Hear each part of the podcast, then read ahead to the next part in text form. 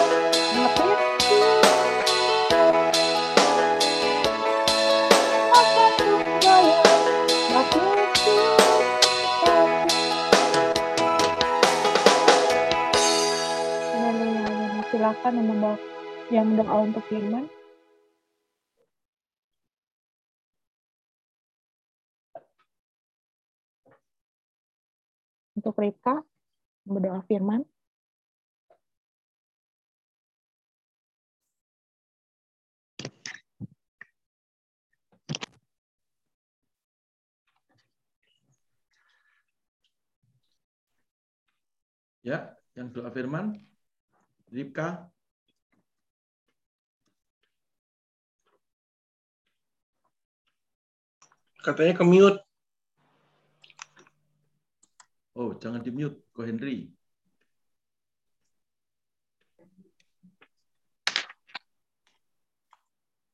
Oh, nggak bisa dibuka. Bisa, bisa, bisa. Mari satukan hati kita, kita berdoa. Bapak yang baik, terima kasih Bapak untuk uh, berkatmu, terima kasih untuk nafas kehidupan yang berikan kepada kami. Kiranya kami sekarang ingin mendengarkan firman-Mu, biarlah Engkau uh, berikan hikmat pada kami agar kami bisa mengerti apa yang Engkau suruh Bapak dalam kebenaran firman-Mu. Biarlah juga bukan hanya mendengar, tapi juga kami bisa menjadi pelaku firman-Mu Bapak uh, ajar kami untuk duduk diam, ajar kami untuk mengerti apa yang Engkau maksud dalam isi hatimu Bapa. Terima kasih, kira Tuhan kami mengucap syukur, haleluya, amin. Silakan Ci Iva.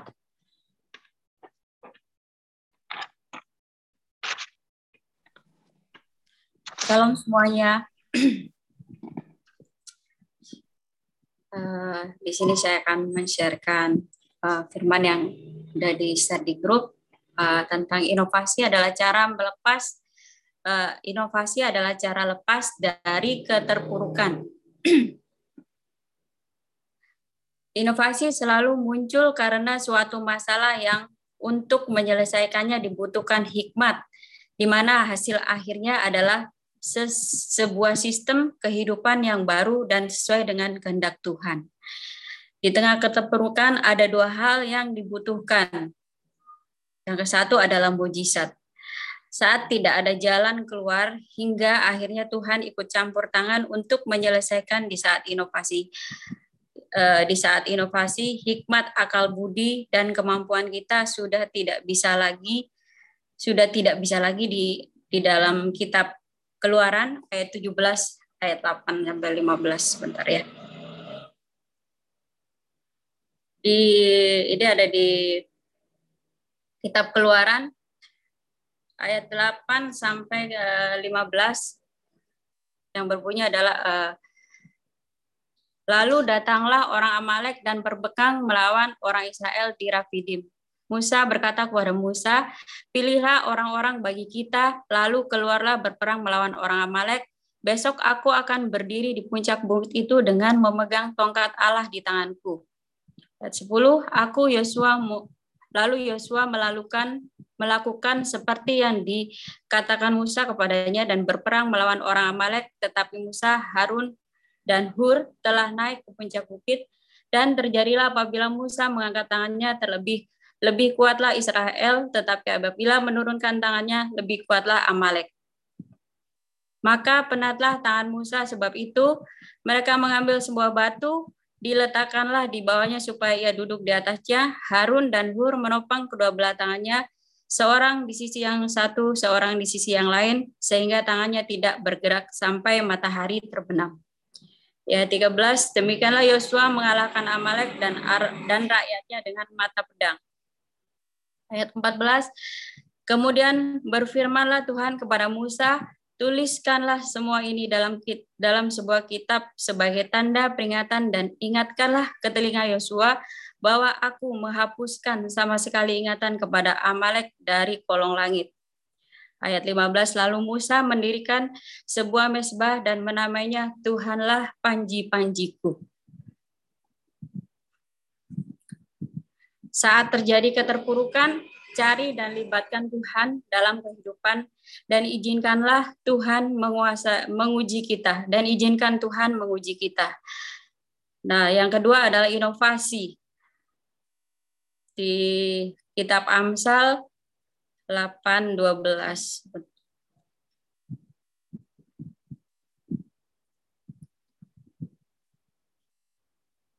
Amsal 8 ayat 12 Firman-Nya kepadaku, sorry, sorry, sorry, maaf.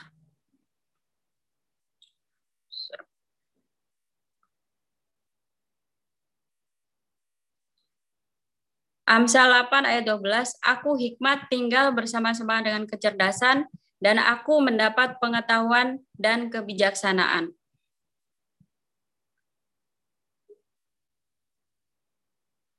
Di saat terjadi, di saat terjadi, eh, sorry maaf, Tuhan sebagai sang sumber akan membuat semuanya bekerja maksimal dalam hidup kita, hikmat, kecerdasan, pengetahuan, dan kebijaksanaan. Ada tiga tips supaya mendapatkan kelepasan, yaitu adalah satu introspeksi dan evaluasi diri. Jangan melupakan, jangan lupa diri kita seperti jemaat di Efesus sampai perlu ditegur dulu baru mengerti dan bertobat. Ingatlah kalau kalau ukuran Tuhan berbeda dengan dunia. Ada di dalam kitab Wahyu 2 ayat 1 sampai 5.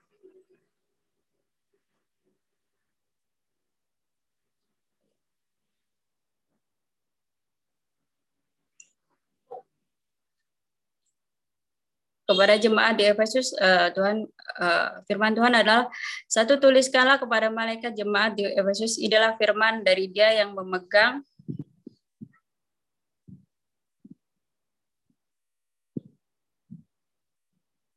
yang memegang ketujuh bintang itu di tangan kanannya dan berjalan di antara ketujuh kaki Dian emas itu. Aku tahu segala pekerjaanmu baik jerih payahmu maupun ketekunanmu. Aku tahu bahwa engkau tidak dapat sabar terhadap orang-orang jahat, bahwa engkau telah mencobai mereka dan yang menyebut dirinya rasul, tetapi yang sebenarnya tidak demikian, bahwa engkau telah mendapati mereka berdusta. Di ayat ketiga, dan engkau tetap sabar dan menderita oleh karena namaku, dan engkau tidak mengenal lelah. Ayat keempat, namun demikian aku mencoba engkau, mencoba mencela engkau, karena karena engkau telah meninggalkan kasih yang semula. Sebab itu ingatlah betapa dalamnya engkau telah jatuh, bertobatlah dan lakukanlah lagi apa yang semula engkau lakukan. Jika tidak demikian, aku akan datang kepadamu dan aku akan mengambil kaki dianmu di tempatnya jika jikalau engkau tidak bertobat. di introspeksi eh, satu di introspeksi diri ini adalah bertobat eh, kita harus bertobat dan kembali kepada kasih mula-mula sebelum Tuhan menegur kita, uh, sebelum Tuhan menegur kita, kita evaluasi diri kita mungkin ada perbuatan-perbuatan kita yang tidak berkenan pada Tuhan akhir-akhir ini. Ini dan mulai kita memperbaikinya dengan meminta pengampunan pada Tuhan. Kalau kalau saya pribadi adalah introspeksi eh, apa sih yang eh, akhir-akhir eh, ini atau mungkin dulu-dulu pernah kita lakukan yaitu uh, entah itu menyakiti orang lain atau mungkin mengecewakan Tuhan. Kita kalau uh, kita merasa oh itu salah di mata Tuhan, itu salah uh, di kita tidak harus melakukannya bahwa itu berdosa, kita harus introspeksi, kita meng kita memperbaiki segala kesalahan atau perbuatan-perbuatan kita yang tidak sesuai dengan kehendak Tuhan. Itu adalah introspeksi kalau untuk diri saya sendiri ya. Nah, nah sekarang di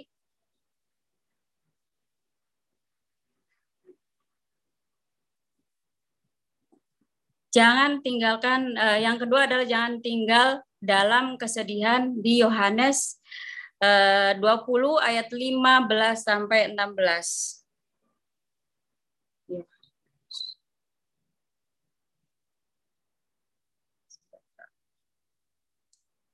Yohanes 20.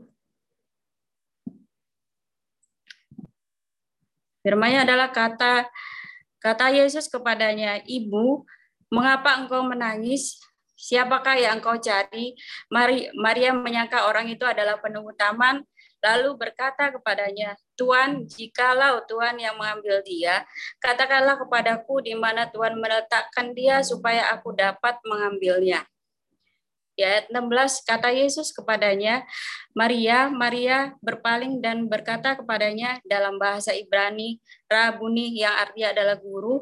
Kata Yesus kepadanya, janganlah engkau. Oh ya, sorry. dari sini adalah kita jangan tinggal dalam kesedihan. Dalam uh, kalau untuk saya pribadi, apa pun yang kita alami dalam hidup kita, kita harus percaya bahwa Tuhan Yesus selalu setia di dalam peristiwa yang kita alami. Karena Tuhan Yesus sendiri adalah penghibur bagi kita di dalam kesedihan kita, dan kita patut bahagia sebab kita punya Tuhan yang luar biasa, baik, dan penuh kasih terhadap kita semua. Tuhan pasti uh, setia atas setiap apa yang kita alami, uh, baik buruk ataupun sedih, uh, kita bahagia pun Tuhan tetap menyertai kita.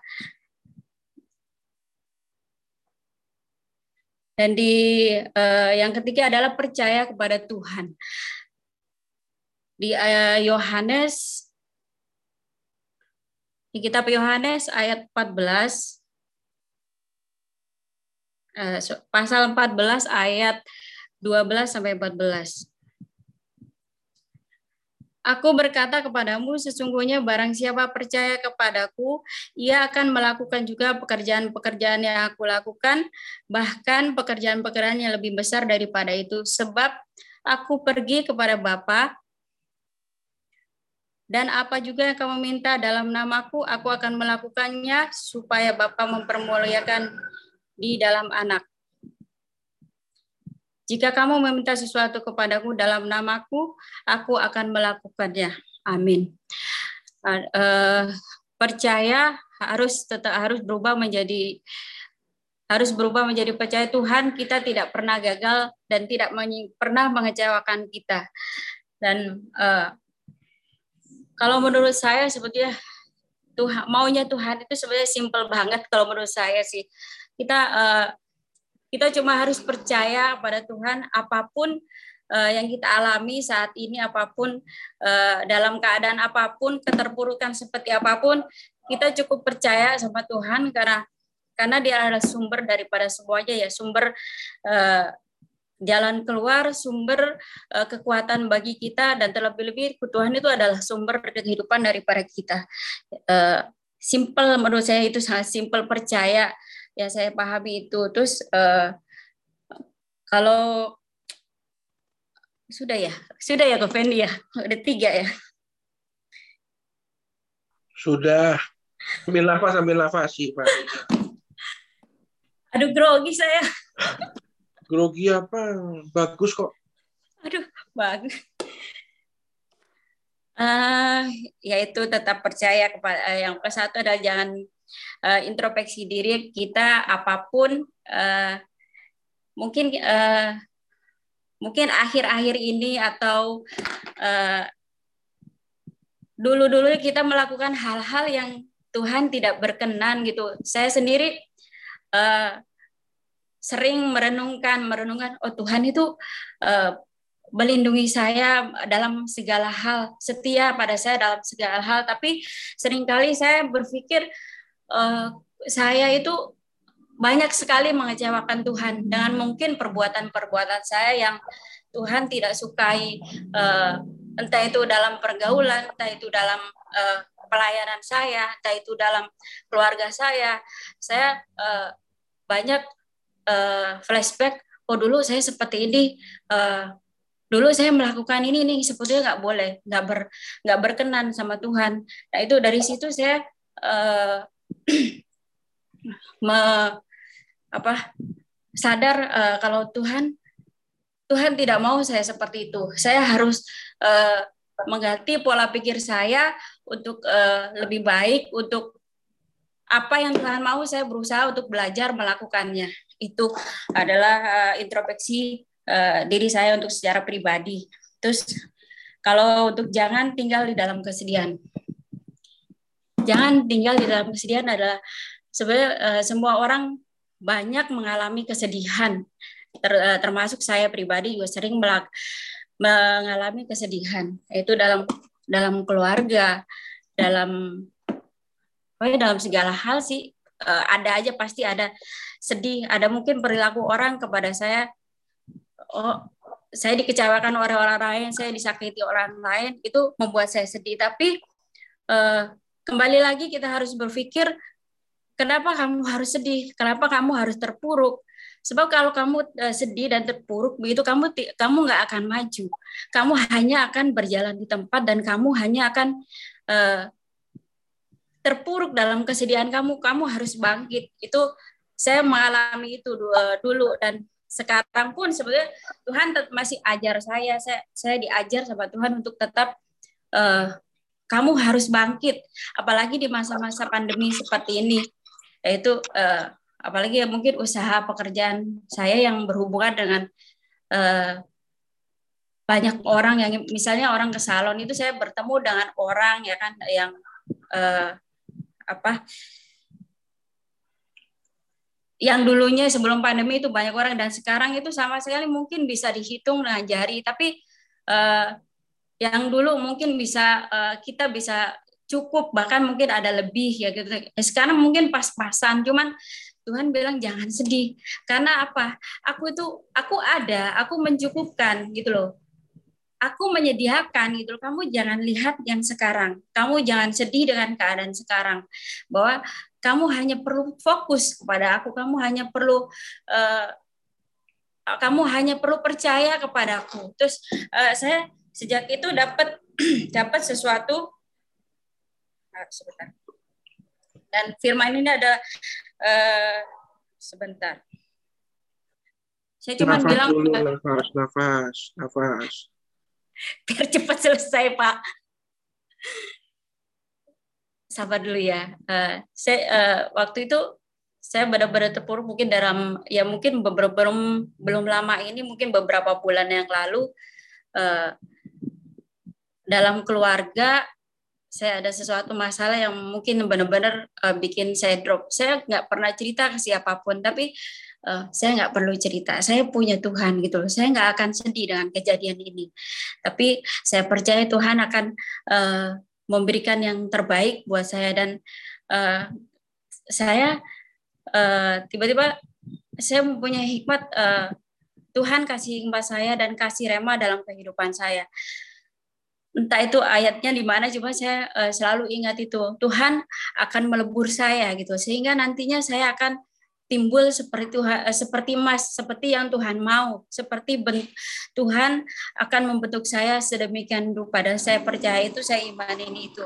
Dan untuk uh, yang tetap percaya saya saya sampai sekarang pun tetap belajar percaya sama Tuhan apa pun yang terjadi apa pun dalam kehidupan kita saat ini yang mungkin semua orang mengalami semuanya itu pasti mengalami uh, percayalah sama Tuhan. Mungkin uh, kejadian kemarin mana ada sesuatu kejadian yang bikin saya drop yang mungkin uh, saya saya sampai berpikir bangun tidur aduh Tuhan seandainya saya tidak bangun lagi gitu kan. Saya uh, seandainya saya tidak bangun lagi pasti semuanya akan selesai.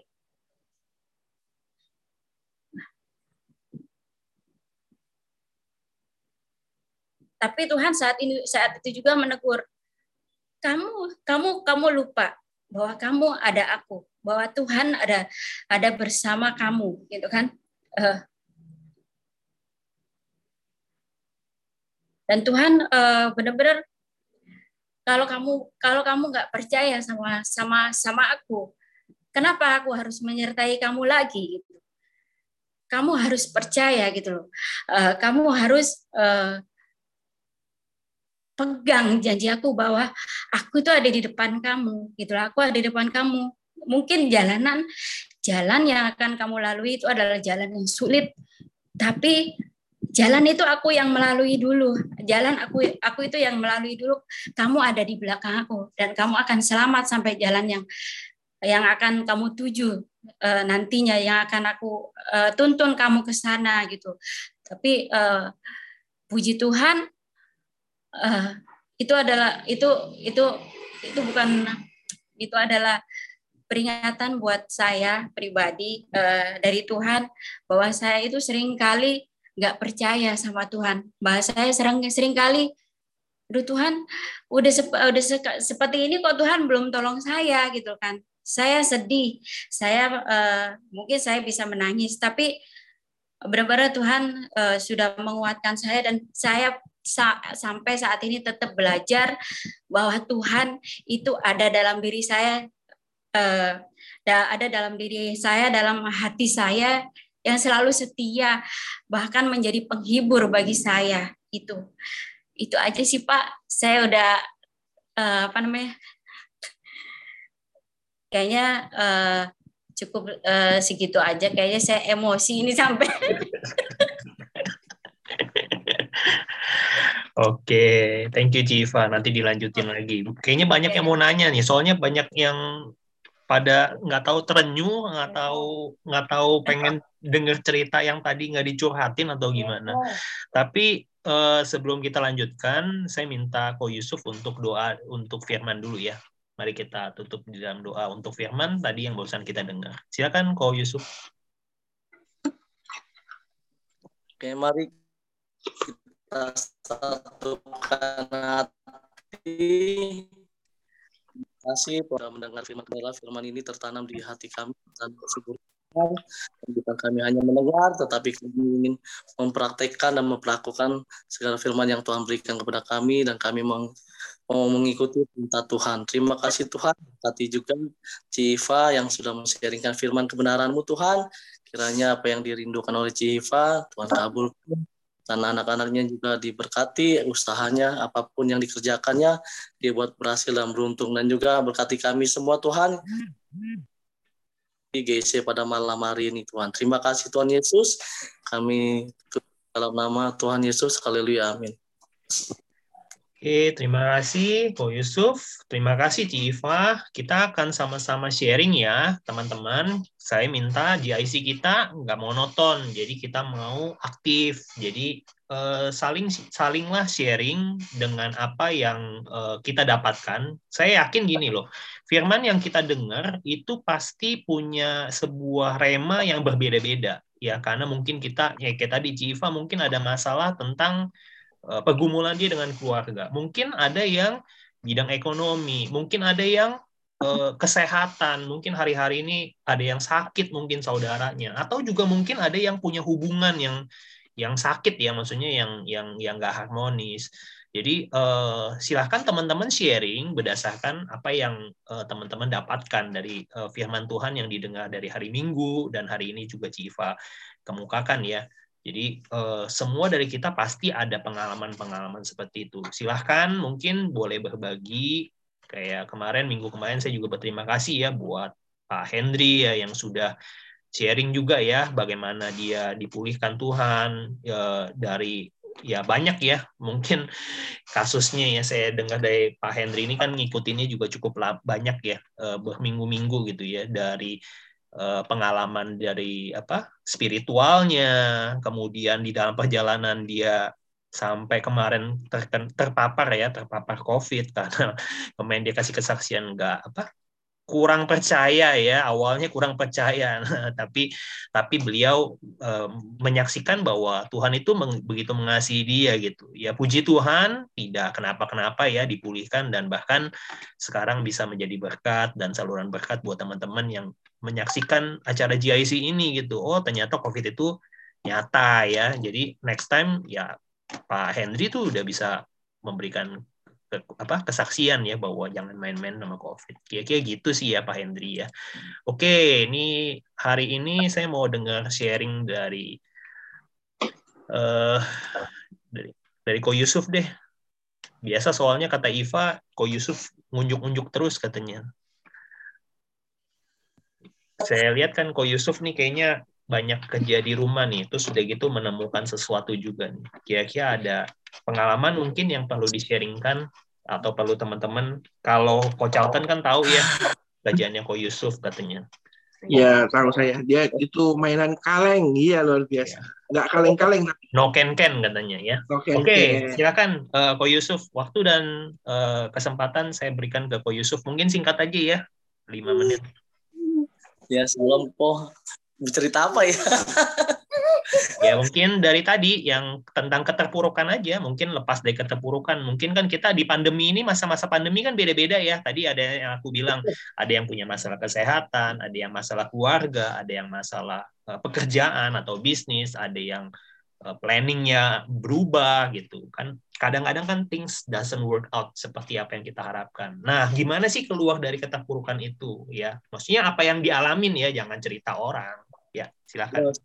Puji Tuhan sih, Oven selama pandemi walaupun ada naik turunnya ekonomi ya tetap aja bersyukur aja sih Koven tidak kekurangan selalu cukup. Yang penting ya andalkan Tuhan Koven setiap apa yang kita kerjakan ya selalu kita andalkan Tuhan apa yang kita lakukan itu kita nggak usah bersungut-sungut gitu. Makanya kalau kita ada waktu uh, waktu santai ya waktu kita bisa menyembah ya kita menyembah. Di waktu kita masa sukar ya kita carilah Tuhan. Pokoknya saya nggak uh, di pandemi ini ya fine aja sih. Ada masalah dengan apa kesehatan puji Tuhan. Ada selama saya kerja jadi asisten rumah tangga ada uh, kaki saya sedikit kerak uh, kayak kebas gitu. Cuman aku imanin aja lah. Pasti sembuh dan gak perlu ke dokter. Tangan kanan ini sering kesemutan ya. Saya juga imanin aja lah. Mungkin Tuhan kasih kuasa dari tangan kanan ini apa yang kerjakan berhasil gitu aja sih kok. Jadi kata-kata yang baik itu saya munculkan jadi nggak selalu bersungut-sungut nggak selalu mengeluh. Ya udahlah kalau emang sakit saya nggak pernah pikirkan. Udah saya lewatin di, di luar pikiran saya sudah nggak ada namanya kata penyakit. Jadi saya fun fine aja. Jadi hati yang gembira adalah obat sih. Jadi aku ikutin firman itu sih Koven. Jadi setiap masalah apa apa ya ada waktu ya aku main gitar walaupun bisa sepetik dua petik ya bisa nyembah Tuhan untuk anak-anak di rumah nyanyi itu. Itu aja sih kok oke. Okay. Oke oke. Terima kasih Ko Yusuf. Pengalamannya luar biasa ya. Uh, walaupun dia nggak cerita ya teman-teman ya. Saya tahu uh, pergumulannya Ko Yusuf ya.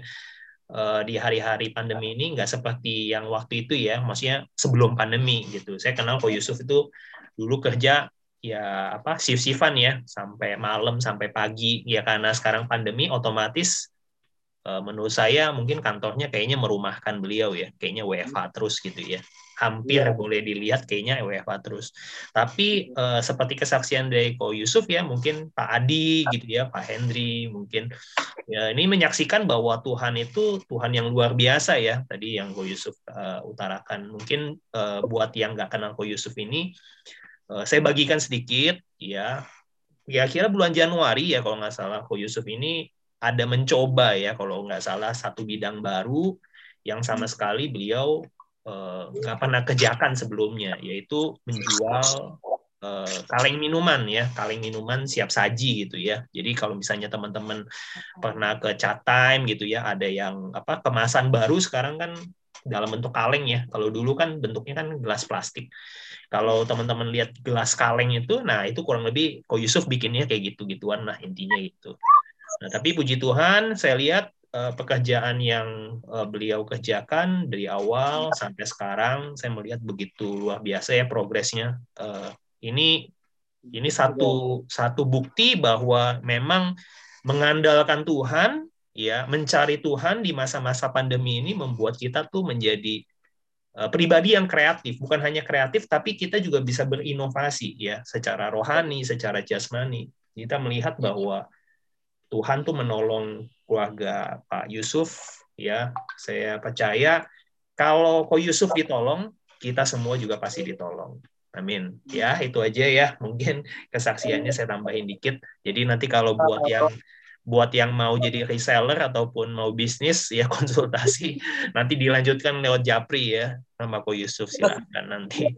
Nanti diajarin gimana jadi agen menjual sepuluh ribu ken Oke, terima kasih Ko Yusuf. Saya beralih kepada Pak Santo ya. Kemarin istri-istri, hari ini suami-suami. Ya, habis ini Pak Adi Suyadi ya. Kemarin soalnya Pak Adi Suyadi eh, apa mic-nya rusak katanya. Jadi habis ini giliran ketiga Pak Adi. Silakan Pak Santo, mungkin ada pengalaman selama masa pandemi ini, mungkin ada pernah mengalami keterpurukan, mungkin dari segi kesehatan atau keluarga atau bisnis atau uang, ya ekonomi atau apa pun, silahkan. Mungkin yang masih berkorelasi dengan pengalaman Kosanto. Silahkan Kosanto. Salam semuanya. ya, kalau masalah keterpurukan semua orang ada ya. Pertama dalam minggu tiga minggu ini uh, istri saya kami uh, sakit demam ya. Uh, tapi saya tetap waktu itu tetap GIC, cuman saya belum memberikan kesaksian. Saya pernah curhat sama Kodedi, tolong minta bantu doa untuk istri saya yang sedang sakit.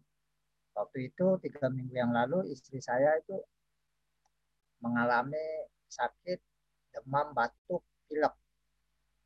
Nah, saya juga khawatir apa ini COVID atau bukan. Sebab setahu saya istri saya waktu itu uh, istri saya tuh sambilannya urut ngurutin orang ya tukang urut lah istilah kata dan dia sebelum saat terjadi sakit pernah ngurutin orang tiga orang salah satunya di tempat yang terjadi kena covid dan yang satu lagi kalau tidak salah itu diurut hari Kamis dan meninggal hari Minggu. Nah, ini ketika istri saya sudah uh, urut mereka, istri saya mengalami sakit demam, batuk, pilek. Dan saya juga udah bilang sama dia, coba penciuman kamu bagus nggak? Tadinya istri saya sempat pengen curhat sama Pak Bapak, Pak Paulus. Cuman takut. Aku tak suruh, ah suruh berobat sana gitu. saya bilang sama istri saya, coba uh, kamu apa minum obat dulu dah obat ini ini ini. Uh, coba lihat penciumannya, kata dia bagus bagus. Puji Tuhan, udah begitu lama dalam tiga hari udah sembuh. Uh, dan kemudian itu malah nularnya ke anak saya yang yang cowok. Dia mengalami batuk juga, demam, dan gatal-gatal di lehernya. Ini saya mengalami pergumulan ya Tuhan. Jangan sampai terjadi. Saya cuma berdoa berharap percaya kepada Tuhan seperti itu aja. Ya Tuhan, jangan sampai keluarga saya terjadi hal-hal yang dalam pikiran saya yang takutkan saya seperti saya ini. Saya tetap nggak takut dalam arti bukan tetap mengikuti protokol yang ada dan tetap percaya kepada Tuhan bahwa keluarga saya dilindungi. Dan puji Tuhan, anak saya juga dalam kalau nggak salah lima hari itu udah sembuh. Yang lainnya di dalam keluarga saya seperti saya dan uh, anak saya yang cewek nggak ada sih. Mungkin menurut saya ini batuk pilek biasa sih, mungkin. Tapi ya namanya orang pasti khawatir juga ya.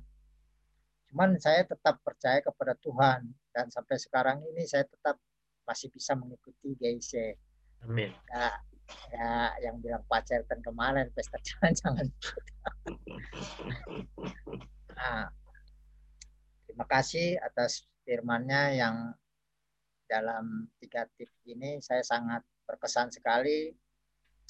Tiga tip ini sangat memberikan kekuatan bagi saya. Terima kasih Pastor Paul Paulus Kodianto.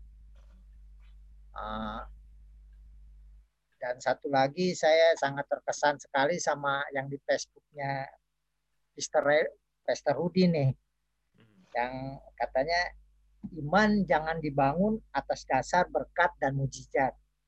Tapi iman dibangun saat kita mengalami pergumulan, maka akan terlihat serta berdampak. Terima kasih Pastor Rudi Wijaya yang atas uh, yang ada di Facebook. Ya. Itu aja sih Pak. Oke. Okay. saya. Siap. Terima kasih, Pak Santo, buat Eh, kesaksiannya. Saya berdoa buat Kosanto juga sama keluarga semuanya dilindungi ya, semuanya dijagai, semuanya tidak tidak terkena atau tidak terpapar virus. Oke, terima kasih Kosanto buat kesaksiannya. Terima kasih juga buat uh, tadi ya cerita-ceritanya ya. Tuhan tetap baik di tengah keluarga Kosanto. uh, saya beralih kepada Pak Adi Suyadi. Silakan Pak Adi. Bisa di-unmute. Oke, silakan. Terima kasih. Oke, shalom semua. Shalom, shalom. Gimana suaranya cukup jelas nggak kok? Jelas, jelas, jelas. Jelas ya. Mm -hmm. Kemarin sempat trouble masalahnya, jadi sempat ganti kemarin, tapi sempat minta doa sama Pak Pastor juga untuk anak saya yang sakit waktu itu. Nah, selasa kemarin kan saya sampaikan anak saya sakit, panas, vertigo gitu ya. Hari Selasa, Rabu ternyata sudah agak surut panasnya rencana Kamis mau kerja karena sudah kerja, tapi ternyata agak panas lagi, jadi saya nggak izinkan kerja, langsung saya bawa ke klinik untuk tes swab antigen, ternyata puji Tuhan positif. Setelah positif, akhirnya diputuskan untuk isolasi mandiri secara fisik baik, tidak ada masalah, cuma pusing, eh, panasnya lumayan tinggi, Terus kebetulan adiknya juga karena waktu sakit itu kita nggak tahu kalau positif jadi suka masih tiduran sama-sama tiba-tiba besoknya adiknya juga panas akhirnya hari Jumatnya adiknya saya bawa ke klinik juga untuk swab ternyata positif juga puji Tuhan setelah itu ya dengan upaya kita saya minta doa dari Pak Pastor Paulus juga untuk kesembuhan anak saya, minta dukungan doa. Selain itu juga berupaya untuk berobat. Puji Tuhan hari ini sudah jauh lebih baik.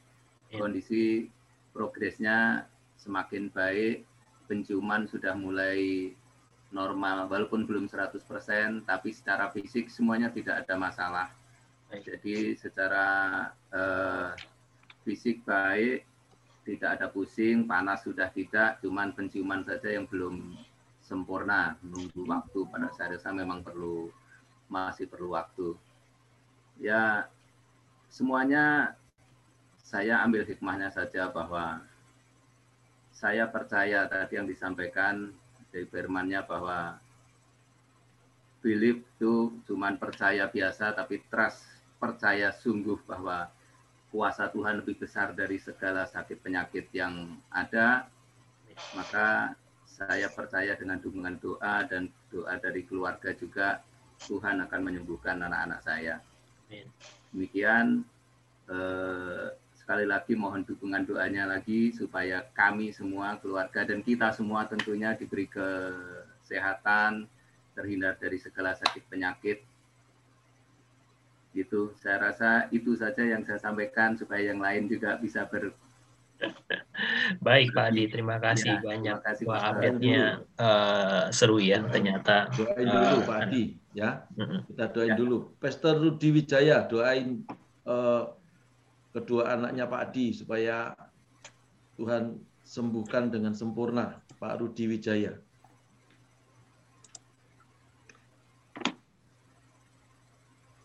Ya, mari kita tundukkan kepala.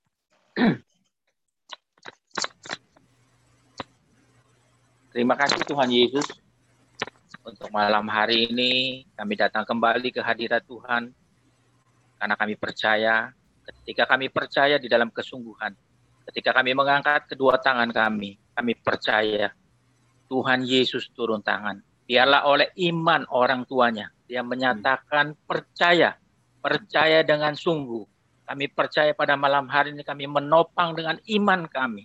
Amin. Di mana orang tuanya percaya dengan sungguh. Maka mujizat Tuhan Amin. mulai detik ini turun atas keluarga Padi. Amin. Terlebih lagi khususnya untuk kedua anaknya.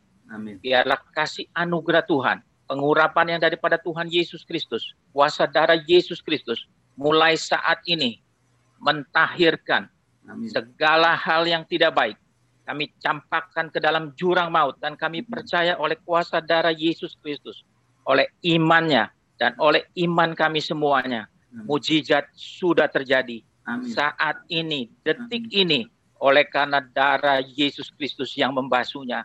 Terima kasih Tuhan Yesus, kami percaya, kami semua punya iman, kami percaya dengan sungguh bahwa mujizat itu sudah terjadi di dalam nama Tuhan Yesus Kristus. Haleluya. Amin. Terima kasih Pastor Rudi. Terima kasih Pak. Terima kasih Pastor Rudi. Ada Pastor Villa. Selamat datang Pastor Villa. Apa kabar Bogor? Iya, Tuhan. Selamat malam. Maaf telat gabung. Oke, apa-apa Pastor Villa. Aman Bogor? Ibu gimana? Puji Tuhan, aman. Ibu udah sehat? Istri? Sehat. Puji Tuhan, puji Tuhan. Oke. Tadi sudah, kok Yusuf sudah, kok Santo sudah. Hmm? Kenapa?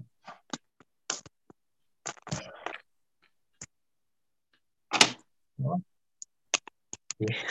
Gimana? Oh, Cie ini. Cie ini katanya ada cerita. Cie ini kok hitam ada cerita. Kok hitam Gimana kok hitam ada cerita apa? kok hitam ya.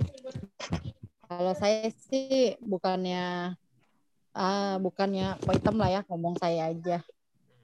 Kalau saya sih di tengah-tengah masa pandemi begini, saya juga cuma bisa berdoa karena ya seperti yang tadi saya bilang, ya di rumahkan juga nggak digaji gitu, nggak dibayar gitu. Jadi seperti kayak buruh harian ya, tapi puji Tuhan sih berbulan-bulan ya Tuhan pelihara gitu. Tapi ya ya kalau dibilang sedih pasti sedih gitu. Tapi ya saya percaya Tuhan pasti tolong. Tuhan pasti bantu. Tuhan pasti ada sama saya sama keluarga saya itu aja sih yang saya doain tiap hari gitu untuk saya untuk keluarga gitu semua saya serahin sama Tuhan ya puji Tuhan Tuhan pelihara sampai hari ini itu aja sih katanya Amin, Ci. Iya, iya, iya, iya. Ngerti sih. Memang serba dilema ya saat sekarang ini ya. Mungkin uh, teman-teman yang ada di luar daerah, saya juga nggak tahu, Bogor atau Pak Adi. Jakarta itu memang sekarang ini uh, dilema ya. Mungkin banyak sekali kantor-kantor juga di WFH kan ya, 100%. Kita uh, pekerjaan-pekerjaan yang non esensial itu dirumahkan semua, ya memang serba dilema ya. Maksudnya masuk kantor kita menghadapi potensi bahaya ya karena kan satu kantor itu kan banyak ya. Nggak ngantor sekarang ini juga perusahaan ngambil kebijakan dengan mengefisiensikan biaya ya. Jadi ada yang dipotong gaji, ada yang uang makan atau uang transportnya dihilangkan. Ya saya ngalamin hal-hal seperti itu ya. Jadi eh, memang tidak mudah tapi saya percaya uh, kalau memang ini juga buat berlaku buat teman-teman ya sahabat-sahabat ya kalau memang juga ada ada hal-hal yang memang perlu untuk tiba kita bantu ya. Mungkin jangan segan ya untuk sama-sama untuk share aja. Karena eh, saya percaya maksudnya kita masih masih bisa ya saling saling menopang gitu. Buat saya sih seperti itu ya karena di kantor banyak yang hal-hal yang seperti itu terjadi. Memang kita nggak bisa nolong banyak tapi kita bisa bantu ringanin gitu dengan mengirimkan makanan obat-obatan. Kayak teman saya kemarin yang ada isoman di Depok gitu ya. Saya nggak bisa bantu banyak. Saya cuma bilang ya udah kamu kirimin alamat eh, registrasi ya dapat paket isoman gitu selama 10 hari kurang lebih dapat makan sama dapat obat-obatan mungkin buat teman-teman di sini juga jangan jangan ragu ya maksudnya kayak Pak Adi gitu ya. Mungkin oh Pak saya dukung doa. Ya nggak apa-apa gitu. Kalau misalnya memang Pak saya dukung uh, ada perlu ini ya mungkin nggak apa-apa. Mungkin kita juga nggak bisa kasih full atau apa tapi minimal kan kita bisa berkontribusi apa yang kita bisa kerjakan apa yang kita bisa bagikan kita akan coba upayakan gitu ya ini GICT sebenarnya esensinya bukannya ritual gitu, ketemu online gitu, enggak itu. Ini ada sebuah wadah untuk kita sama-sama saling belajar gitu, saling eh, saling peduli, saling menerapkan apa yang dikatakan Firman kayak tadi gitu ya. Gimana orang kalau terpuruk itu jangan tinggal dalam kesedihan. Nggak gampang ya. Saya percaya tuh yang Civa ngomong itu mungkin agak sedikit sedikit sentimental, tapi menurut saya itu hal-hal yang memang real gitu. Nggak mudah gitu. Orang yang menjalani misalnya jangan tinggal dalam kesedihan. Apalagi hari-hari ini saya lihat banyak sekali teman-teman saya. Circle-nya makin dikit gitu, makin deket ya. Mungkin kayak Pastor Charlton gitu ya. Saya lihat juga ada dua temennya yang paling deket kerja sama dia, ya rekan kerjanya dipanggil Tuhan itu nggak gampang. Itu padahal temen ya, baru temen gitu, belum keluarga gitu. Kayak saya kemarin paman saya, saya juga bilang sama istri saya, nggak kerasa ya 5 Juli kemarin udah mau hampir satu bulan gitu, beliau dipanggil Tuhan. Istri saya sampai bilang begini, cicinya yang yang lebih tua, yang maksudnya paman saya itu kan eh, di anak mama saya itu kan urutannya nomor 4 mama saya nomor satu sudah almarhum almarhum mama saya punya adik yang nomor dua Nomor dua itu sakitnya sama persis kayak mama saya, hampir bisa dikatakan karena komplikasi diabetes itu jantung, mata, ya sampai ke syaraf kaki gitu ya, kaki sampai sempat sudah dipotong gitu ya. Teman-teman tahu ya, kalau udah diabetes akut itu seperti itu. Dia itu kerjanya cuman duduk dan tiduran. Ya. Malah orang berpikir eh, tahun 2017 saya sempat doakan sampai 2018 orang udah give up gitu. Semua saudaranya udah give up. Pengobatan itu sudah hampir habis 1,2 m.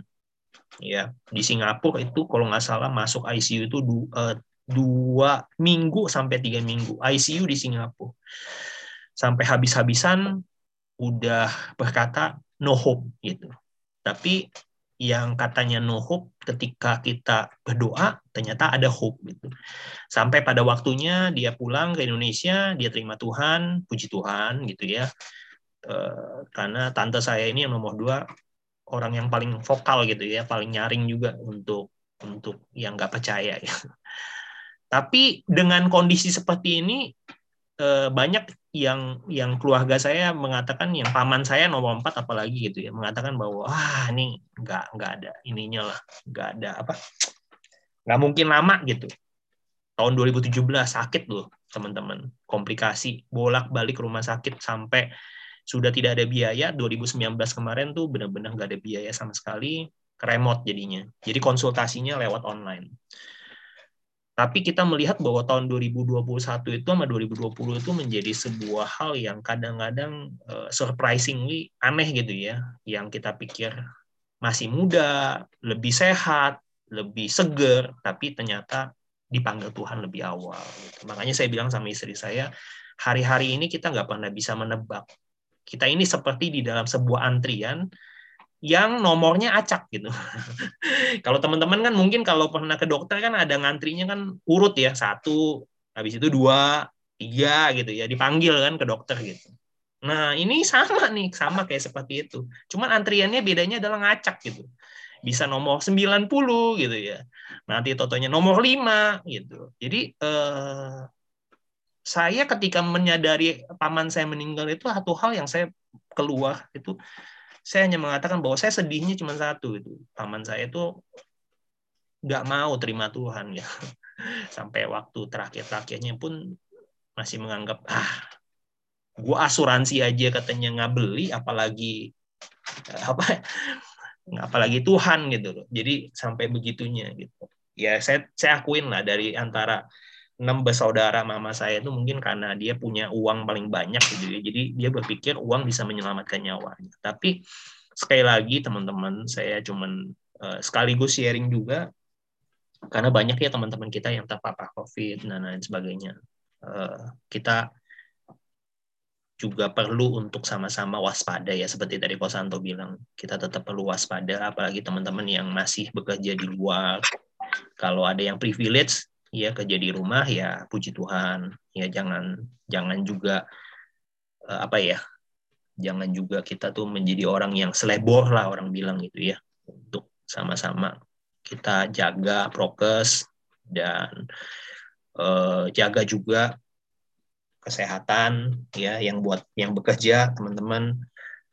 Dan jangan jangan apa ya jangan bandel gitu ya kayak Pak Hendri gitu nggak percaya. Wah kalau kena dulu nggak enak ya saya bilang mungkin saya yang nggak nggak nggak pernah kena aja saya dengerin kesaksian teman saya sesek sakit kayak ditindih mungkin nanti Pastor Charlton juga juga bisa cerita tuh saya juga nggak tahu ya ajaib sih kalau yang kasusnya Pastor Charlton karena dia pernah ngomong katanya COVID katanya nggak menyerang orang gemuk nih. Jadi dia orang gemuk pertama nih yang mestinya kasih kesaksian gitu. Bukan COVID yang nggak nyerang orang gemuk. Orang gemuk itu nggak pakai narkoba. Oh salah. Iya iya. Salah dong. Iya iya. Teman iya. saya itu seorang pendeta namanya Jesse Lantang. Itu tiap hari main apa sepeda itu sampai 40 50 kilo setiap eh, ya hampir setiap hari. Lalu sebulan yang lalu kena Covid. Bayangkan badan yang sebegitu fitnya, sebegitu hebatnya itu berdiri dua menit aja tuh nggak sanggup karena COVID. Sampai saturasinya itu turun sampai di bawah 85. Jadi 84 atau berapa. Benar-benar tersiksa. Jadi ya COVID ini benar-benar memang menyiksa ya. Jadi kita harus hati-hati. Tapi ya firman Tuhan itu ya dan amin bahwa memang dalam bahasanya sih katakan bahwa uh, our days even our hair is numbered katanya. Bahwa hidup kita uh, hari-hari dalam kehidupan kita bahkan sampai rambut di kepala kita itu tuh di apa uh, sudah di number sudah apa sudah dihitung sama Tuhan. Jadi sudah ada angka untuk kehidupan kita. Jadi jangan sampai kita itu apa ya dalam hari-hari yang Tuhan berikan kesempatan ini malah kita itu main-main jadi kita harus harus baik-baiklah dalam hidup ini. Semua orang itu kan ada apa namanya ada garis start tapi juga ada garis finish kan. Ada waktu mulai tapi juga ada waktu selesai. Jangan sampai di dalamnya itu dalamnya kita nggak nggak berfungsi. Jadi jangan pernah khawatir kalau hidup kita itu nggak punya jabatan, nggak punya kemewahan, nggak punya kehormatan dari orang. Yang penting fungsinya. Kalau fungsinya udah bagus ya, Tuhan berkenanlah ke hidup kita. Nggak harus jadi menteri dulu baru Tuhan hormat sama kita ya enggak juga. Yang penting fungsinya ya. Kalau kita berfungsi dengan baik kan puji Tuhan. Tuhan baik buat kita. Gitu. Makanya dalam kehidupan kekristenan kita itu jangan berhenti di kata benda. Kalau kalau yang saya rema yang saya dapatkan dari khotbahnya Pak Paulus Eko kemarin itu adalah uh, jangan berhenti di belief tapi ke trust. Jangan berhenti di kata benda tapi jadi kata kerja gitu. Kita itu kan belajar firman tiap minggu ya. 52 kali dalam setahun kita dengar firman. Kalau kita satu minggu hanya dengarkan satu firman saja. Itu kan udah banyak tuh yang masuk perbendaharaan firman, kalimat-kalimat, kutipan, wah, khotbah-khotbah luar biasa itu kan jadi jadi tabungan ya, tabungan data di kepala kita. Cuman itu nggak akan jadi nggak akan jadi kehidupan iman yang baik kalau berhenti hanya di kata benda saja di pikiran kita harus kita ubah menjadi kata kerja. Makanya belief itu kan kata kata benda tuh, percaya. Tapi begitu jadi trust itu sudah nggak hanya percaya saja, tapi mempercayakan. Nah kan bagus. Jadi berhenti dipercaya, mulai mempercayakan. Nah, jadi seperti itu. Jangan hanya berhenti di punya iman, tapi mulai mengimani jangan punya harapan saja tapi mulai mengharap apa mulai meletakkan harapan kita pada Tuhan ya kurang lebih seperti itu Pak Fendi supaya kita semua jadi makin baik dari sebelumnya Oke, luar biasa ya tambahan tema yang luar biasa dari Pastor Charlton. Saya nggak sampai kepikiran benda ke kerja, kata kerja. Memang orang yang ngeliatin dan nyatatin itu biasanya dapat sesuatu yang lebih, privilege yang lebih. Mau tukeran Pak Fendi? Memang orang ya. gemuk itu beda. Saya tidak mau, saya mau kurus, saya nggak mau gemuk. kurang asem, kurang asem. Oke, sebelum saya kasih ke Pagem, saya mau uh, kasih satu kesempatan lagi nih ke teman kita Ibu Tri ya kemarin minggu kemarin soalnya nggak ada. Oke, halo, shalom Bu Tri. Bu Tri bisa di unmute. Salam teman-teman. Ya, sebelumnya malam, Putri. Ya, gimana Bu? Sebelumnya minta maaf dulu karena memang dalam bulan kemarin sebulan full saya nggak ikut ibadah GIC. Karena ya sekali lagi saya minta maaf nggak ada pemberitahuan karena saya sakit. Saya sakit. Oh, gitu. Iya dari seminggu saya demam.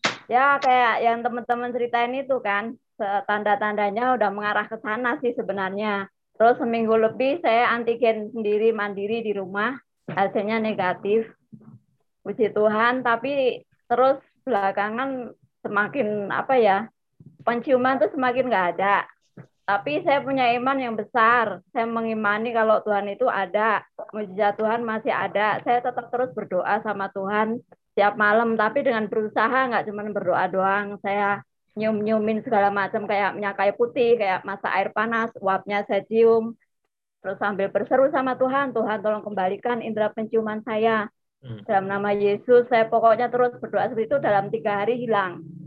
Saya langsung normal bisa mencium, dan saya bawa ke puskesmas saya berobat dikasih obat terus Senin suruh kontrol pada waktu itu saya Jumat berobat minggu yang kedua itu saya nggak ikut ke isi lagi. Terus hari Senin saya kontrol saya di situ berkumpul dengan pasien yang full musik batuknya macam-macam model batuk ada semua di situ. Saya pakai masker sampai double tiga saya diantri anak saya dua kan eh, Risma Ma Putri. Itu mereka juga udah parno berdua itu. Ada di sono banyak orang juga geser lagi oh, sono pindah saja sono bu sini penuh. Nah, terus saya kan mau pengen swab PCR karena kan antigen di rumah dan negatif hmm. tapi puskesmas bilang nggak perlu bu ibu nggak ada arah ke sana tapi pada waktu saya berobat itu saya memang ditanya sama dokternya cirinya apa bu eh, apa yang dirasain katanya saya demam terus batuk sama hilang penciuman. Jadi terus kasih obat Senin kontrol, tapi udah sembuh itu saya kontrol ke rumah sakit ke puskesmas. Terus tapi itu ponakan saya yang perawat di Pondok Indah tetap dia bersikeras bawa saya swab PCR yang kedua mandiri karena puskesmas nggak ngasih kan saturasi saya di puskesmas juga 98 makanya mereka nggak nggak ngasih nggak ada ke situ bu katanya akhirnya saya swab mandiri PCR hasilnya puji Tuhan juga negatif, dua kali negatif. Dari itu saya merasa sampai sekarang masih nggak percaya pekerjaan Tuhan atas diri saya. Sedangkan saya juga berdoa, saya suruh bentengi. Ya, ya kita bukannya mencoba Tuhan, nyuruh-nyuruh Tuhan, enggak. Cuman saya berdoa minta belas kasihan Tuhan supaya bentengi dengan anak saya. Kalau saya memang positif, ya jauhkan mereka dari penyakit. Jadi nanti kalau umpamanya positif semua kan repot satu rumah. Tapi puji Tuhan anak-anak nggak kena, jadi memang memang mungkin saya cuman sakit flu biasa, tapi sempat curiga juga karena hilang penciuman itu. Yang di situ yang dibikin mereka itu curiga. Makanya sampai sekarang ini sebenarnya tadi tadi siang saya itu pusing kayak biasalah perempuan penyakitnya pusing sebelah gitu ya kayak migrain gitu kan. Tapi saya punya niat pokoknya aku nanti harus ikut GIC, udah lama nggak ikut. Tuhan pokoknya kuatkan, mampukan saya nanti harus ikut GIC. Tapi puji Tuhan, sekarang ikut GIC nggak ada rasa pusing, udah hilang sama sekali kan.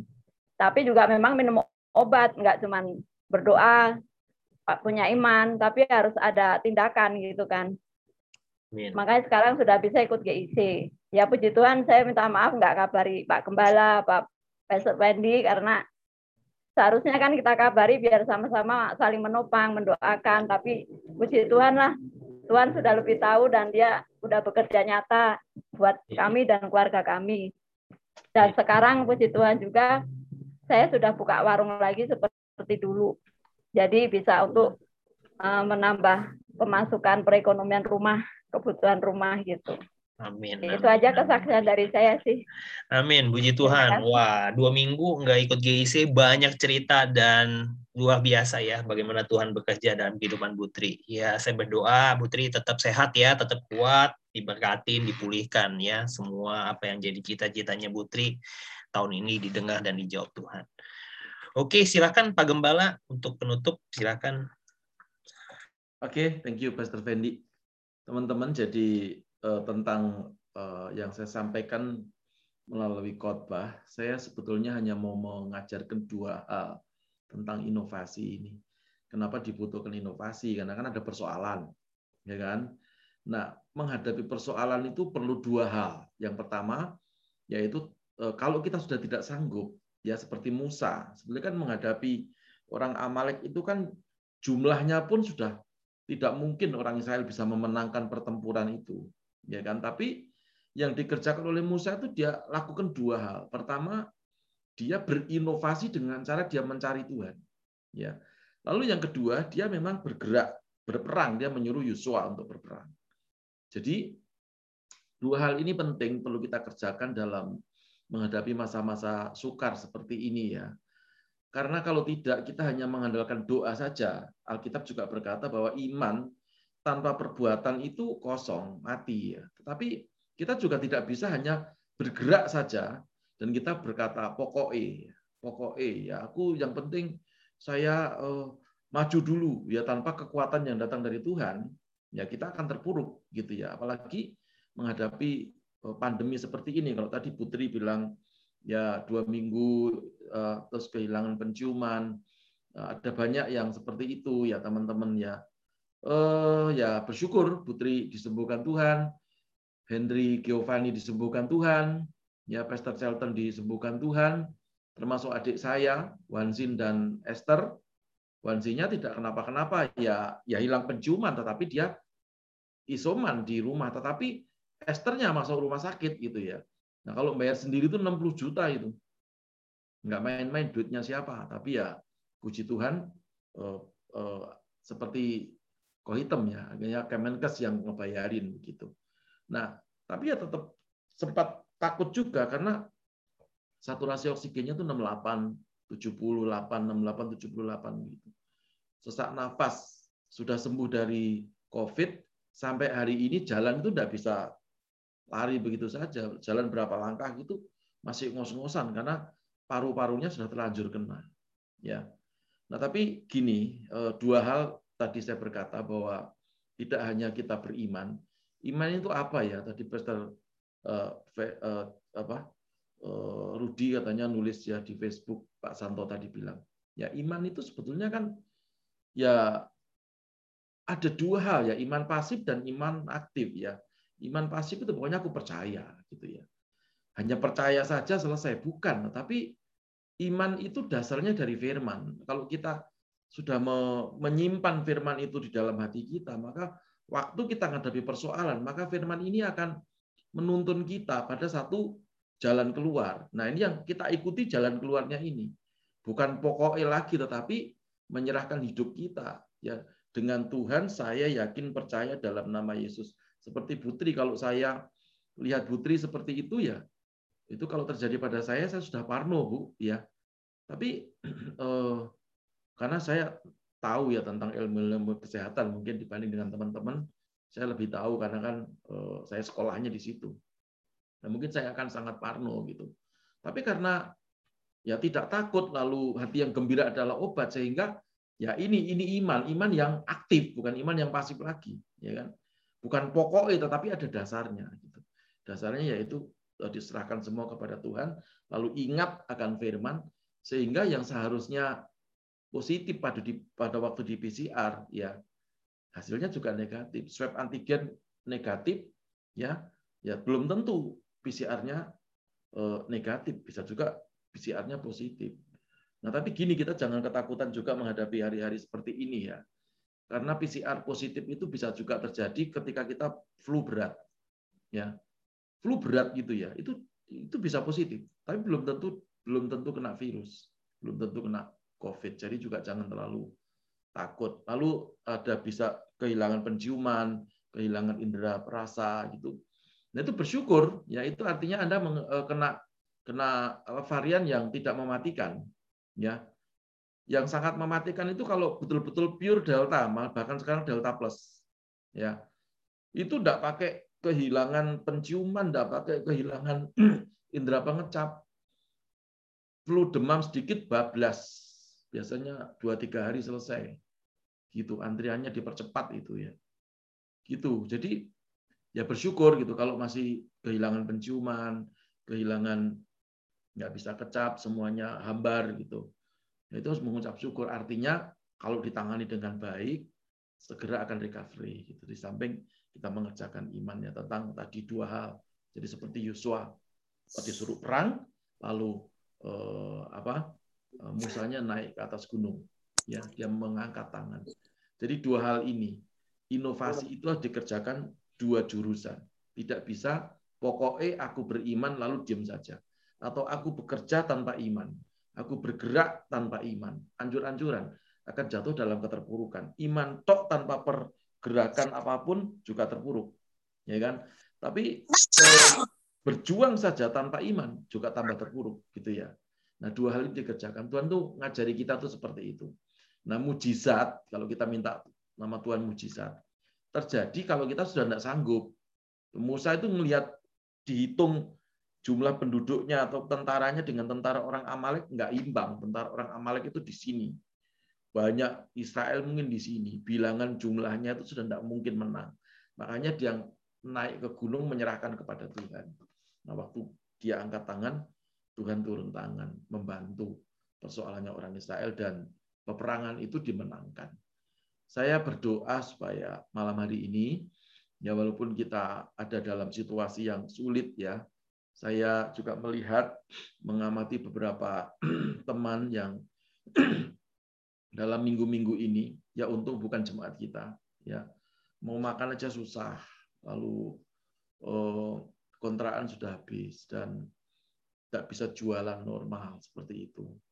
Ya saya tidak bisa lalu memberikan uang begitu saja.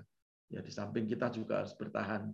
Ya karena sepertinya kita ini harus betul-betul ya bukan tidak memperhatikan orang lain tetapi kita harus pakai hikmat sempat saya nggak pakai hikmat sampai habis semuanya begitu ya. Maksudnya tidak ada perbendaraan, tapi untung Tuhan tahu. Ya lalu Tuhan pulihkan lagi gitu. Nah, maksudnya gini, kita tetap harus pakai hikmat supaya paling tidak gitu kita sehat. Nah, kalau kita sehat, kita bisa nolong orang lain. Kalau toh memang kita tidak bisa nolong dalam situasi apa pun, doakan mereka. Ya.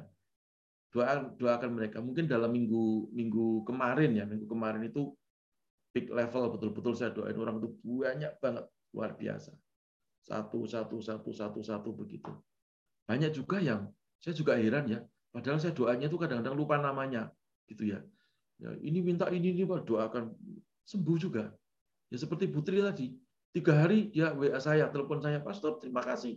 Sudah sembuh sudah bisa mencium ya sudah bisa berasa saya coba pakai cabai ya cabai ya pasti ya pedes gitu lah kalau yang lain bisa pastor, ya saya sudah bisa makan pecel gitu. Wah, luar biasa. Saya ini sampai geleng-geleng loh. Sebagai seorang medis saya geleng-geleng. Kok bisa ya? Menurut saya ini agak agak aneh juga ya. Jadi memang di situlah waktu kita tidak punya apa-apa, waktu kita sudah tidak sanggup, cuman bawang putih loh di di mood mood gitu dia mau kunyah nggak nggak berani ya cuma di mood mood gitu bawang putihnya itu itu bisa menyembuhkan dia. Air putih yang saya selalu ngomong, mari angkat air putih, ya doakan dalam nama Yesus. Amin. Minum ya, minum gitu ya. Itu enggak sampai dua jam telepon saya, Pastor, sudah bisa, sudah bisa makan es krim. Hah? Kena corona makan es krim. Nah tadi ada es krim lewat di depan rumah, saya coba, saya beli. Ah, sakar pula saya bilang. Ya sudah, terus bisa Pastor. Sudah bisa ini apa namanya rasa vanila udah, udah sudah bisa. Saya ini kadang-kadang juga bingung ya.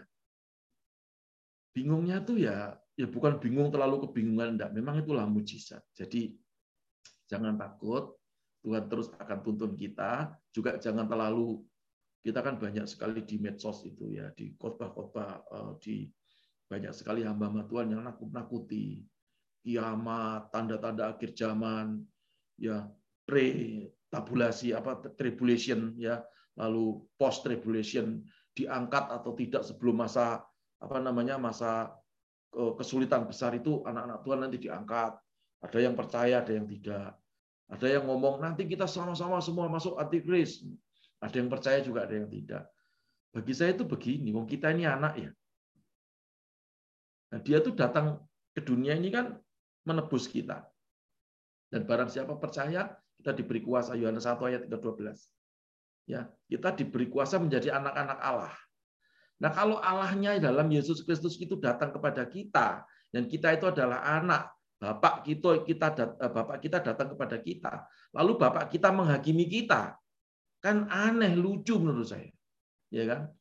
Nah, jadi para teolog-teolog ini ada Pastor Charlton ya kalau berdebat tentang uh, akhir zaman nggak nggak ada selesainya. Itu bukan diperdebatkan. Iman yang tadi uh, sudah banyak disaksikan itu harus dipraktekkan. Imani saja bahwa ini apa pun mau tanda kayak mau apa kayak mau apa ya sudahlah. Yang penting kalau Tuhan Yesus datang yang kedua kali dia menjemput kita ya bukan menghakimi. Banyak sekali ya teman-teman ya. Nah, kalau kita tidak ngerti itu, kita akan jatuh dalam keterpurukan. Terpuruk iman, takut, goyah.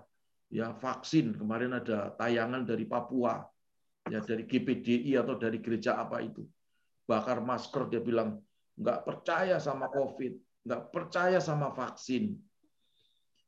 Makanya saya pakai ini loh, harta tahta vaksin.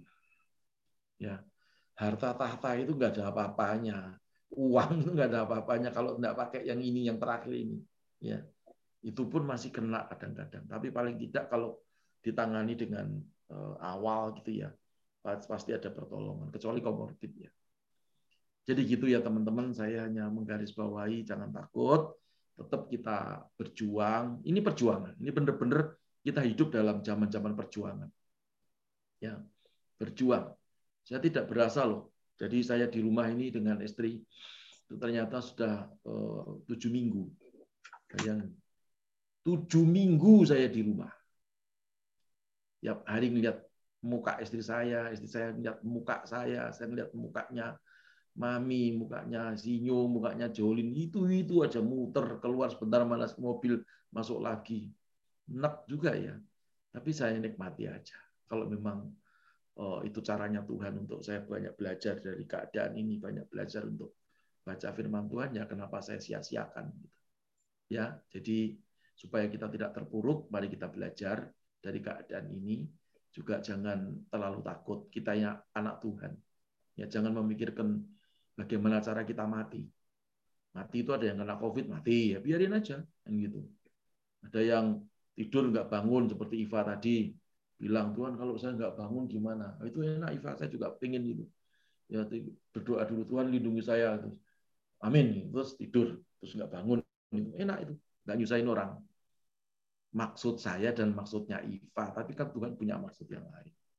Nah, kita tidak usah memikirkan itu. Yang perlu kita pikirkan gimana waktu kita hidup ini, apakah kita masih punya iman, apakah kita masih berharap kepada Tuhan.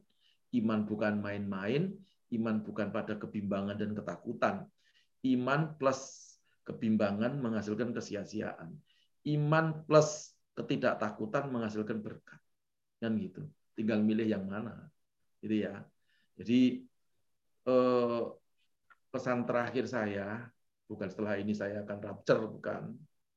Tapi dalam pertemuan ini, ya eh, jangan terlalu jumawa juga, juga jangan terlalu takut ya dengan pengajaran-pengajaran apa pun kembali kepada Alkitab karena eh, banyak sekali nubuatan, banyak sekali hamba-hamba Tuhan yang berkhotbah. Lalu saya renungkan, ya renungkan begini, kok hamba-hamba Tuhan kok begitu ya? Jadi maksudnya cara menyampaikan firman ini sering nakut-nakuti, sering membuat intimidasi gitu ya. Ya, kita harus kembali bahwa eh, kita ini anak, Tuhan itu Bapak. Nah, kalau sudah ngerti ini, Bapak datang jemput anak, selesai, sudah, gitu aja. Ya, jadi nggak usah terlalu takut. Ya, yang penting tadi suara? Ada nyok. Yang penting kita banyak berdoa, lalu eh, jadi berkat bagi orang lain, gitu ya. Dan oh iya, ada info nanti kita doakan. Pastor Ari, David Ari dan istrinya positif ya. Bukan istrinya positif hamil, bukan, tapi Pastor David Ari dan istrinya positif corona gitu. Tapi puji Tuhan, eh, Pastor Ari kayaknya OTG dan Tika sempat sedikit hilang eh, penciuman, hilang rasa, tapi sudah kembali lagi. Puji Tuhan gitu ya. Anak-anak Tuhan pasti dilindungi Tuhan kok. Amin. Amin. Itu aja saya kira tambahan saya yang saya bingung karena saya ini sukacita sekali banyak teman-teman yang merasakan Tuhan itu menolong ya. Banyak yang dijamah Tuhan itu jadi saya itu saking senengnya gitu ya ngelihat Pastor Charlton disembuhkan, Henry Giovanni disembuhkan ya.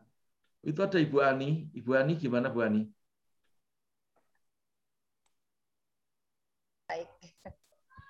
Gimana? Sehat semua, Bu Ani? Sehat Pak, cuman ada yang demam-demam dikit gitulah. Siapa yang demam? Lalu ini Tasa. Oh gitu. Iya. Oh, ya sudah. Kalau memang ada waktu untuk cek ke apa ke puskesmas cek aja. Tapi kalau nggak ada eh, doa saja dalam nama Yesus. Pak Santo, Pak Henry, ya eh, Pak Adi Suyadi, anak-anaknya disembuhkan Tuhan, saya percaya kita pun juga disembuhkan Tuhan. Yang penting mau makan, Bu. Banyak makan enggak apa-apa. Gitu ya. Banyak makan, banyak minum, enggak masalah. Tapi yang penting yang diminum harus air, jangan alkohol apa gitu. Kemarin ada yang ngomong sama saya, Pastor, boleh enggak, maaf ini dari Manado ya, boleh enggak untuk mematikan virus itu saya minum cap tikus katanya. Nah, saya bilang kalau satu sendok boleh. Saya sudah terlanjur minum tiga botol, Pastor. Walah, nah itu bukan karena kena ini tuh mau, mau mabuk namanya gitu. Jadi yang penting air anget bu, ya air anget, ya terus makan. Nah ini kan ini kalau di sekitar kita ini banyak orang jual nanas ya, teman-teman ya. Nanas itu vitamin C-nya tinggi banget, murah ya, vitamin C-nya tinggi banget. Makan aja tiap hari ya.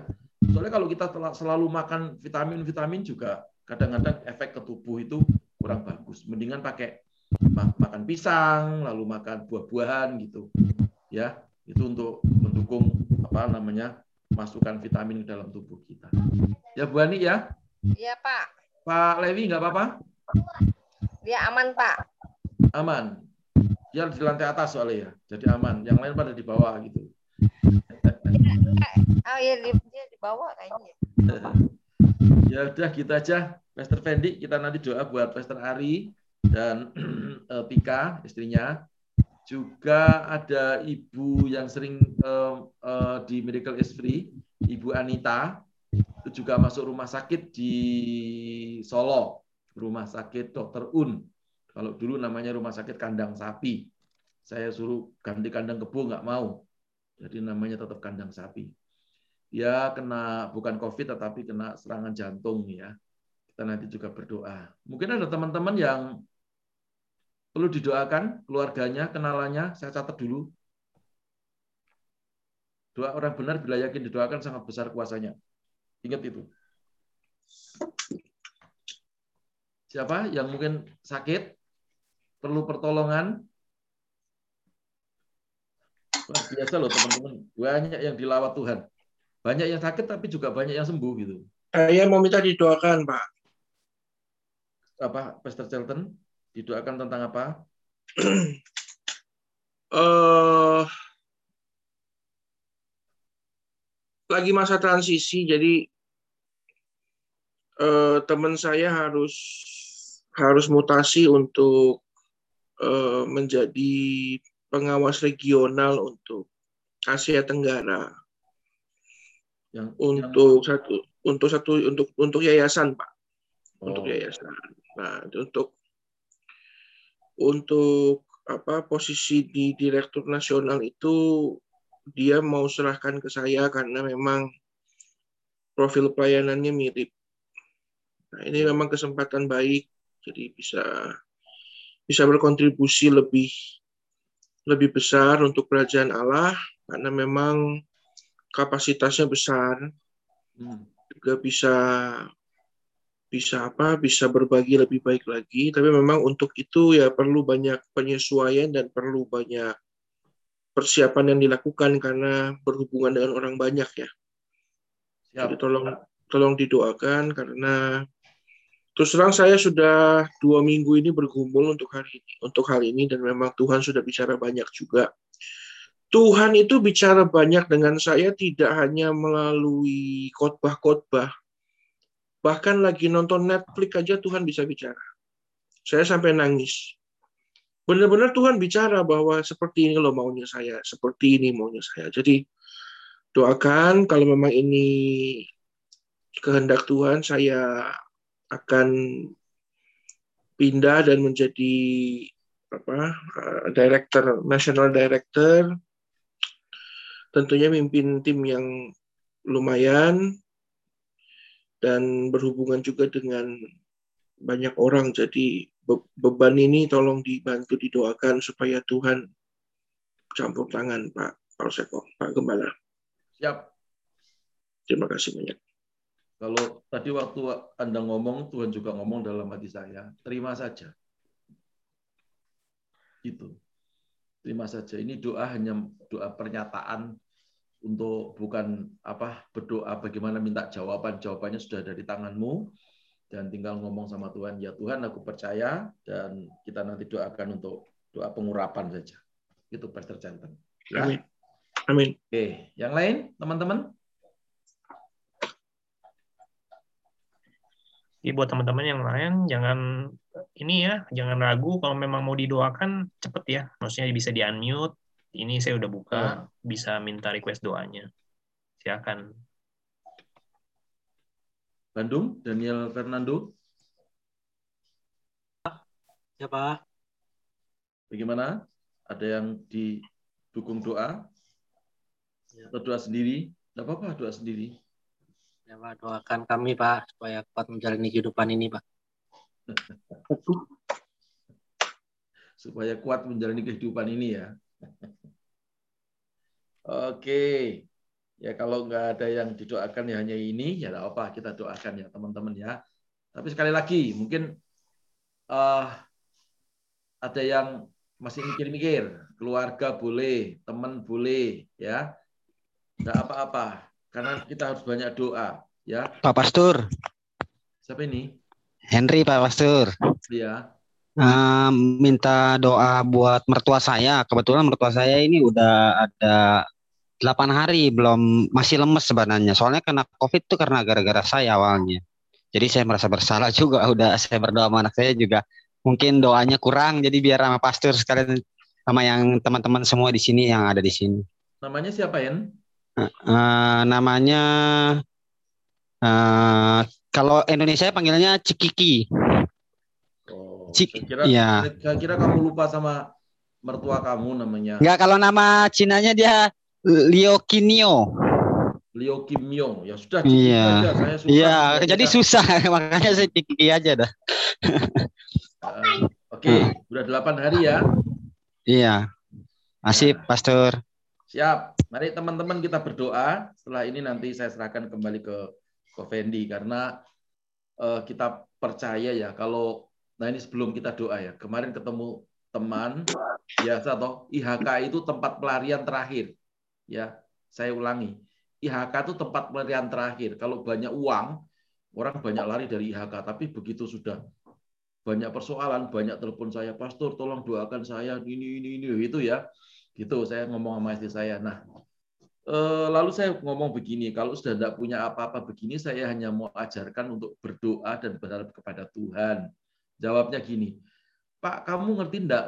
Setiap malam saya tuh nonton YouTube itu 5 sampai 6 5 sampai 6 pendeta, 5 sampai 6 judul khotbah dia bilang. Saya berkata, kalau kamu dengar khotbah itu Tuhan tidak ketawa-ketawa dari surga gitu ya. Atau kamu apa, nonton YouTube-nya siapa lalu Tuhan ngomong enggak. Yang Tuhan suka itu hanya satu. Pada waktu kamu memuji dan menyembah Tuhan. Jadi masa-masa sukar seperti ini di samping kita baca firman, sukalah menyembah ya. Sukakan Tuhan. Tuhan itu sukanya cuma satu kok, waktu kita memuji menyembah Tuhan. Jumpai dia dalam pujian dan penyembahanmu. Nanti kan kita merasakan sesuatu yang luar biasa. Itu ya, masa-masa seperti ini tuh di samping baca firman juga pujian penyembahan. Ya porsinya pujian penyembahan itu harus ya 60 persen ya. Yang lain 40 persennya itu baca firman. Gitu ya. Mari kita berdoa bersama-sama. Tuhan kami berdoa untuk uh, Ibu Anita yang dirawat di rumah sakit Dr. Un Solo karena jantungnya kambuh dalam nama Tuhan Yesus kami berdoa bersama-sama dengan sahabat-sahabat kami Tuhan jamah karena dia ada di ICU dan kami percaya Tuhan akan sembuhkan jantungnya, Tuhan akan operasi jantungnya. Kalau uh, Mama Yeni Tuhan juga sembuhkan jantungnya, kami percaya Ibu Anita juga disembuhkan Tuhan. Dalam nama Yesus tidak ada yang mustahil. Kami percaya mujizat terjadi. Untuk Pastor David Ari dan istrinya yang uh, sedang isoman di rumah, Tuhan juga menyembuhkan Eh, sudah bisa mencium, sudah bisa berasa. Terima kasih atas progres yang luar biasa dan kami percaya eh, dia akan mengalami kekebalan, dia akan mengalami anugerah Tuhan dan karena kekebalannya dia bisa melayani yang lain, bisa mendoakan yang lain. Dalam nama Yesus, cukupkan yang diperlukan dan kami percaya virus COVID tidak berkuasa atas dia sebab roh yang di dalam dia lebih besar daripada virus COVID-nya. Terima kasih Bapak kami bersyukur kami percaya anugerahmu melimpah. Berdoa buat eh, Pastor Charlton yang uh, dipercaya Tuhan untuk uh, memimpin sebuah yayasan yang besar Tuhan.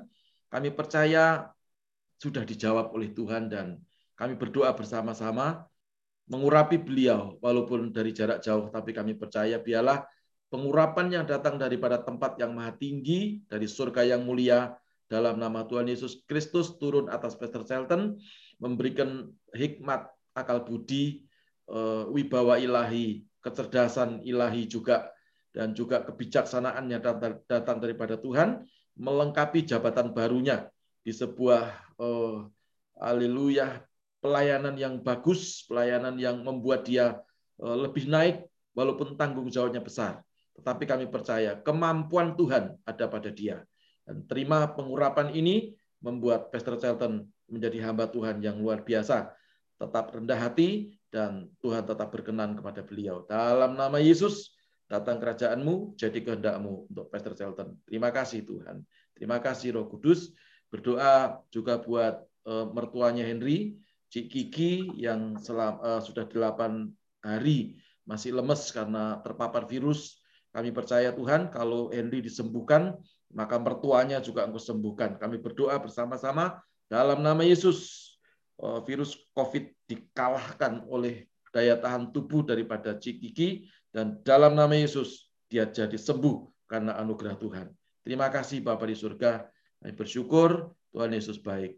Pastor Daniel yang ada di Bandung bersama dengan keluarga dan jemaat yang ada berkati semuanya. Pastor Villa yang ada di Bogor, terima kasih untuk istrinya yang sudah baik, sudah sembuh, kami percaya juga Tuhan, Amen. seluruh keluarganya diberkati Tuhan, anaknya diberkati Tuhan, dan pelayanannya juga Amen. diberkati Tuhan. Kami juga berdoa buat saudara daripada Pak Daud, yaitu Pak Yusuf dan istri yang malam hari ini ada di ICU di Malang. Kami berdoa juga sembuhkan Tuhan. Kami percaya ada mujizat terjadi. Kami juga berdoa buat Yonatan, anaknya yang uh, juga positif dan kakaknya juga positif istri kakaknya positif juga. Kami berdoa dalam nama Yesus, Tuhan sembuhkan dengan cara ajaib. Besok akan dikirim obat dari Jakarta, dan kami percaya melalui anugerah Tuhan, obat ini sarana untuk mendatangkan kesembuhan yang datang dari Tuhan. Terima kasih Bapak di surga. Kalau ada yang belum kami doakan, kami percaya Tuhan sudah mengerti isi hati kami. Kami akan eh, menyerahkan semuanya ini dalam tanganmu demi nama Yesus Kristus Tuhan. Kami serahkan kepada Pastor Fendi. Haleluya. Haleluya. Mari sama-sama kita akan akhiri ibadah kita. Mari kita sama-sama terima berkat daripada Tuhan. Mari kita sama-sama angkat kedua tangan kita. Mari kita arahkan pandangan kita kepada Tuhan Yesus. Haleluya, haleluya. Kekasih-kekasih Tuhan, Engkau adalah biji mata Tuhan. Terimalah berkat yang melimpah-limpah dari Allah Bapa, Putra, dan Roh Kudus. Berkat di dalam nama Tuhan Yesus Kristus yang menjadikan engkau kepala dan bukan ekor. Engkau ditetapkan untuk terus naik dan tidak pernah turun. Apa saja yang engkau kerjakan dengan kedua tanganmu, Tuhan buat engkau berhasil dan beruntung. Terima semua yang terbaik dan anugerah yang sempurna diturunkan dari Bapa segala terang yaitu Yesus Kristus Tuhan mulai malam hari ini sampai dengan selama-lamanya. Di dalam nama Tuhan Yesus Kristus semua kita yang diberkati Tuhan kita katakan amin. Amin. Puji Tuhan. Foto dulu. Bu Lewi salam buat Pak Lewi ya. Besok suruh telepon saya Bu, atau saya telepon dia deh. Foto dulu semua ditampakkan wajahnya. Masalah Daniel. Jadi brewok kayak gitu. Oke, saya foto ya. Satu, senyum. Dua, tiga. Sekali lagi. Jempolnya diangkat. ya Tinggi-tinggi. Satu, dua, tiga. Wah, ada L. Oke, puji Tuhan semua. Terima kasih. Kita sudah bertemu. Kita akan ketemu di acara kemis ya, Pastor Fendi ya dalam acara Miracle is Free nanti kita akan bahas tentang iman. Karena iman itu penting hari-hari ini. Apa itu iman? Iman bukan hanya sekedar-sekedar gitu saja, tapi iman itu betul-betul alat untuk mengangkat kita. Ya berbeda dengan yang lain. Selamat malam semua. Terima kasih Pastor Fendi, terima kasih Pak. Terima kasih Civa, terima kasih Jenny, Halo. Pastor Vila, Pastor malam. Pastor. Ko Santo, Cinovi, Ko Henry, Giovanni, Pak Adi, terima kasih malam semuanya. Ciani, Ko Lewi, Cifebe, Ko Rudi, thank you semuanya. Thank you Pak Gembala. Thank you, thank you. Selamat